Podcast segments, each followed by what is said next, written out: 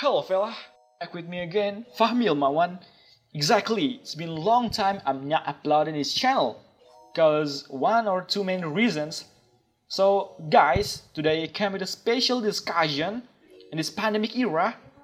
This topic discusses a lot of things that intersect with finance. Well, I'm gonna talk about the importance of financial literacy in life.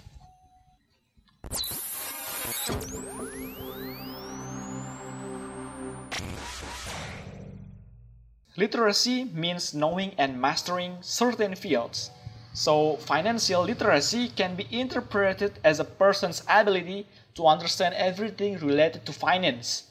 As a student who is in a productive age, we really need to have knowledge about finance, such as personal financial management and investment.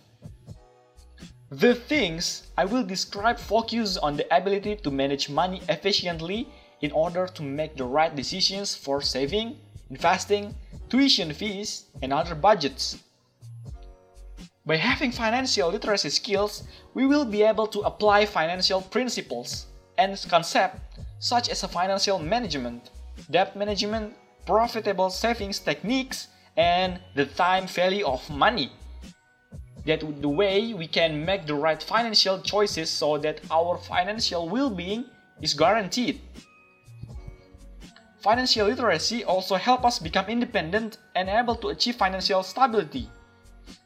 That way we will easily consider something to relate the purchase for example. When we want to buy an item, we will consider it carefully. Is really necessary? And do these items fall into the category of asset or liabilities? Well, it's more confusing, right? Because the more we understand financial literacy, the tighter we are in spending our money. There will be many considerations that guide our decisions. Our behavior and attitude in using daily money will be different from those who are financially blind. But before we go any further, I would like to thank all of the committees who have organized the AMIKOM English National Podcast Competition 2021 with the theme Genius Actions and Movements for a Better Life in the New 2030 World. I dare to speak English. Well, let me go straight to the first step, this one called budgeting. Creating and maintaining a budget is the most basic aspect for our finance. The budget is arranged systematically, covering all the economic activities carried out for a certain period of time what needs to be done in preparing a budget? It is determining financial goals, collecting personal financial information, reducing expenses, and finally making a formula for budgeting. In these modern times, making budgets has never been easier with the help of the internet and apps. It doesn't matter if our math skills are just average. We can use the sophistication of technology to keep our financial on the track without making a complying with budgets? Is it difficult for us to be responsible for our own money? The second step is prioritizing savings. Saving money is an important aspect of maintaining a healthy financial situation. We can begin to apply this habit of saving in its simplest context, such as short-term savings to buy the thing we want the most. The key is we do something to achieve our goals in which we learn the values in meeting our primary need first. After mastering saving skills, we will calm down. So, here are some saving tips I give you that needs to be tried. The first is making a savings plan in detail. So, you can determine the savings target that we want to achieve. For example, our savings targets of 10 million in order to collect 10 million, we have to set aside of 10% of the routine income in a special emergency fund savings account. Second step is to implement an automatic system. In the midst of the many temptations of consumerism today, the discipline of saving it on your will be heavy.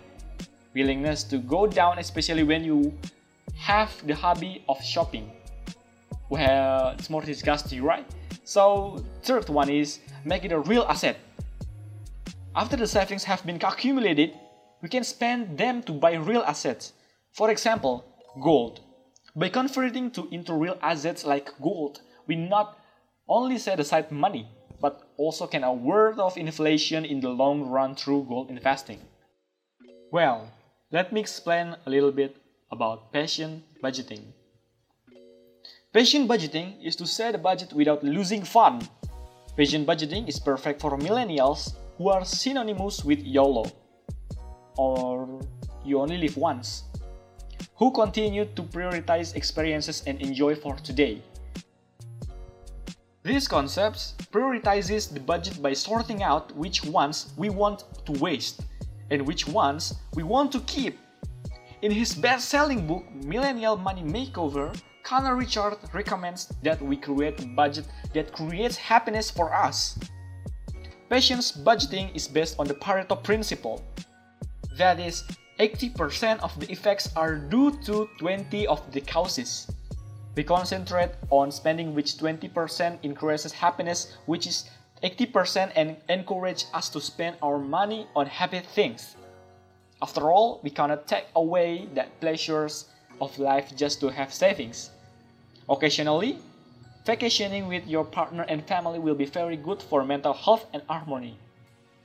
Expenses like this need not to be constrained on the budget because passion budgeting will help us continue to live the lifestyle we love while simultaneously managing finance because this concept focuses on living a fulfilling life and spending money in the right proportion to our life passions. Exactly.